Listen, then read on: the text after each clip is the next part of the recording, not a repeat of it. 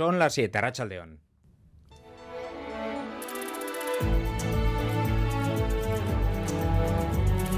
Gambara con John Fernández Muro.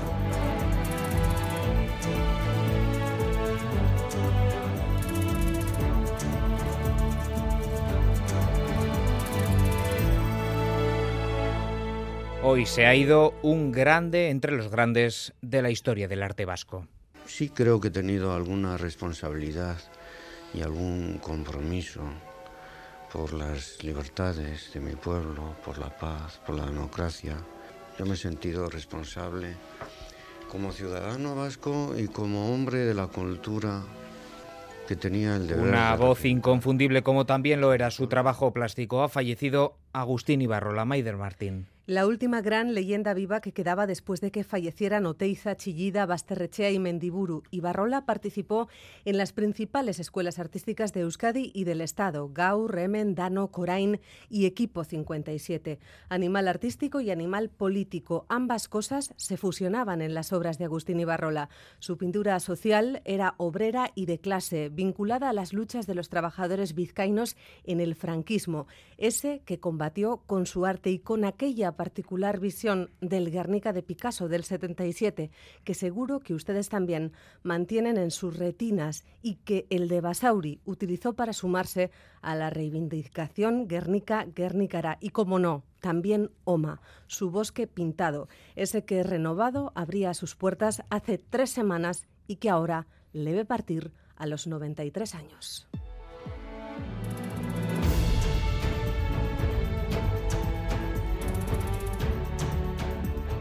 ¿Qué tal está en Arrachaldeón? La muerte de Agustín Ibarrola es la noticia más destacada de un viernes cargado en cuanto a la actualidad política. Pedro Sánchez ha jurado ya su cargo de presidente del gobierno.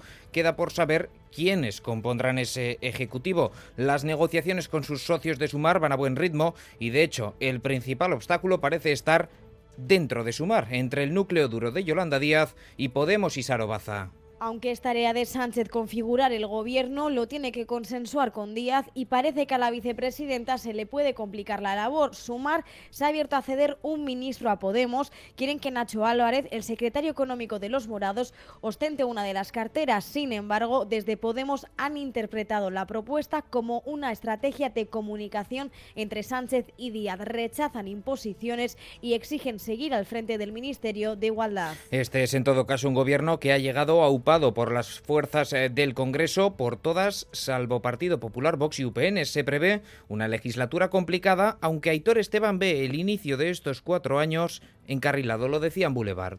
Yo creo que debería salir y con eso, bueno, pues el gobierno ya tiene para andar, luego en un año no se pueden convocar elecciones, etcétera. Son los sobre los pactos del PSOE con Junts, que son los que más reacción han generado en la calle por parte de la patronal, también de los jueces hoy pronunciamiento del Tribunal Superior de Justicia del País Vasco. Rechaza el acuerdo porque dice ataca la separación de poderes David Beramendi. Sí, total rechazo de la Sala de Gobierno del Tribunal Superior de Justicia del País Vasco al acuerdo entre PSOE y Junts por su referencia al lawfare o judicialización de la política, cree la sala que este acuerdo supondría el final de la separación de poderes. En la declaración los jueces hablan de intromisión inaudita, y de ataque frontal, tachando esta iniciativa de inadmisible. El texto se ha aprobado por cuatro votos a favor y uno en contra, precisamente el del presidente del tribunal, Iñaki Subijana. Sobre la amnistía clave en ese pacto PSOE-Junts se ha pronunciado hoy el Lendakari en el Parlamento Vasco. Íñigo Urkullu ha defendido que allana el camino a la cuestión nacional vasca.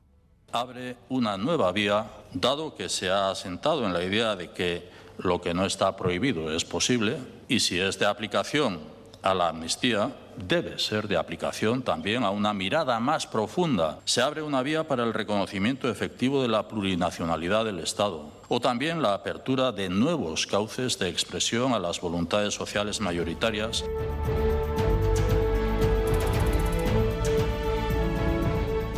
En cuanto al tráfico, paciencia y precaución. Si pasan por la A1 en Gasteiz, en el polígono de Jundiz, sentido Burgos, un camión ha perdido su carga de remolachas y la vía está cortada. A pesar de que se ha habilitado el paso a través de una vía lateral, en estos momentos hay 4 kilómetros de retenciones. A1 en el polígono de Jundiz, sentido Burgos y es tiempo ya para lo más destacado de la actualidad deportiva. Edu García Rachaldeón. ¿Qué tal Rachaldeón? Con dos citas competitivas para la tarde noche de hoy a las 8 de la tarde en Francia, partido de Euroliga, novena jornada entre las Villermont y el Basconia, buscando el conjunto de Ivanovic, la segunda consecutiva esta semana tras la lograda el miércoles ante el Barcelona y la que sería cuarta seguida con Dusko al frente del conjunto Gasteiztarra en la competición europea, con la baja de última hora de Tadas Kerskis, que por gripe va a ser eh, ausencia en este encuentro al que vuelve Nico Manion. En eh, es baja importante en de Coló, su base y líder dentro de la pista. Y a la misma hora, 8 de la tarde, partidazo en Artalecu, Liga Sobal de balonmano, juegan Vidasoa Erún y además León, un clásico de la competición y además un enfrentamiento entre dos equipos que van a estar peleando seguro por jugar en Europa la temporada que viene.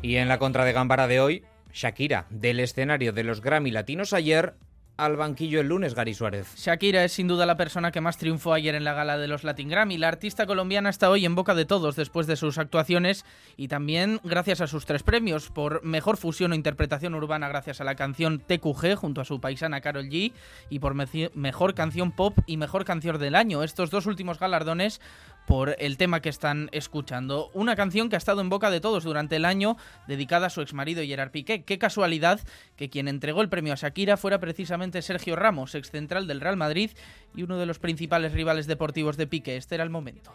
Y el Latin Grammy es para... Shakira y Bizarra.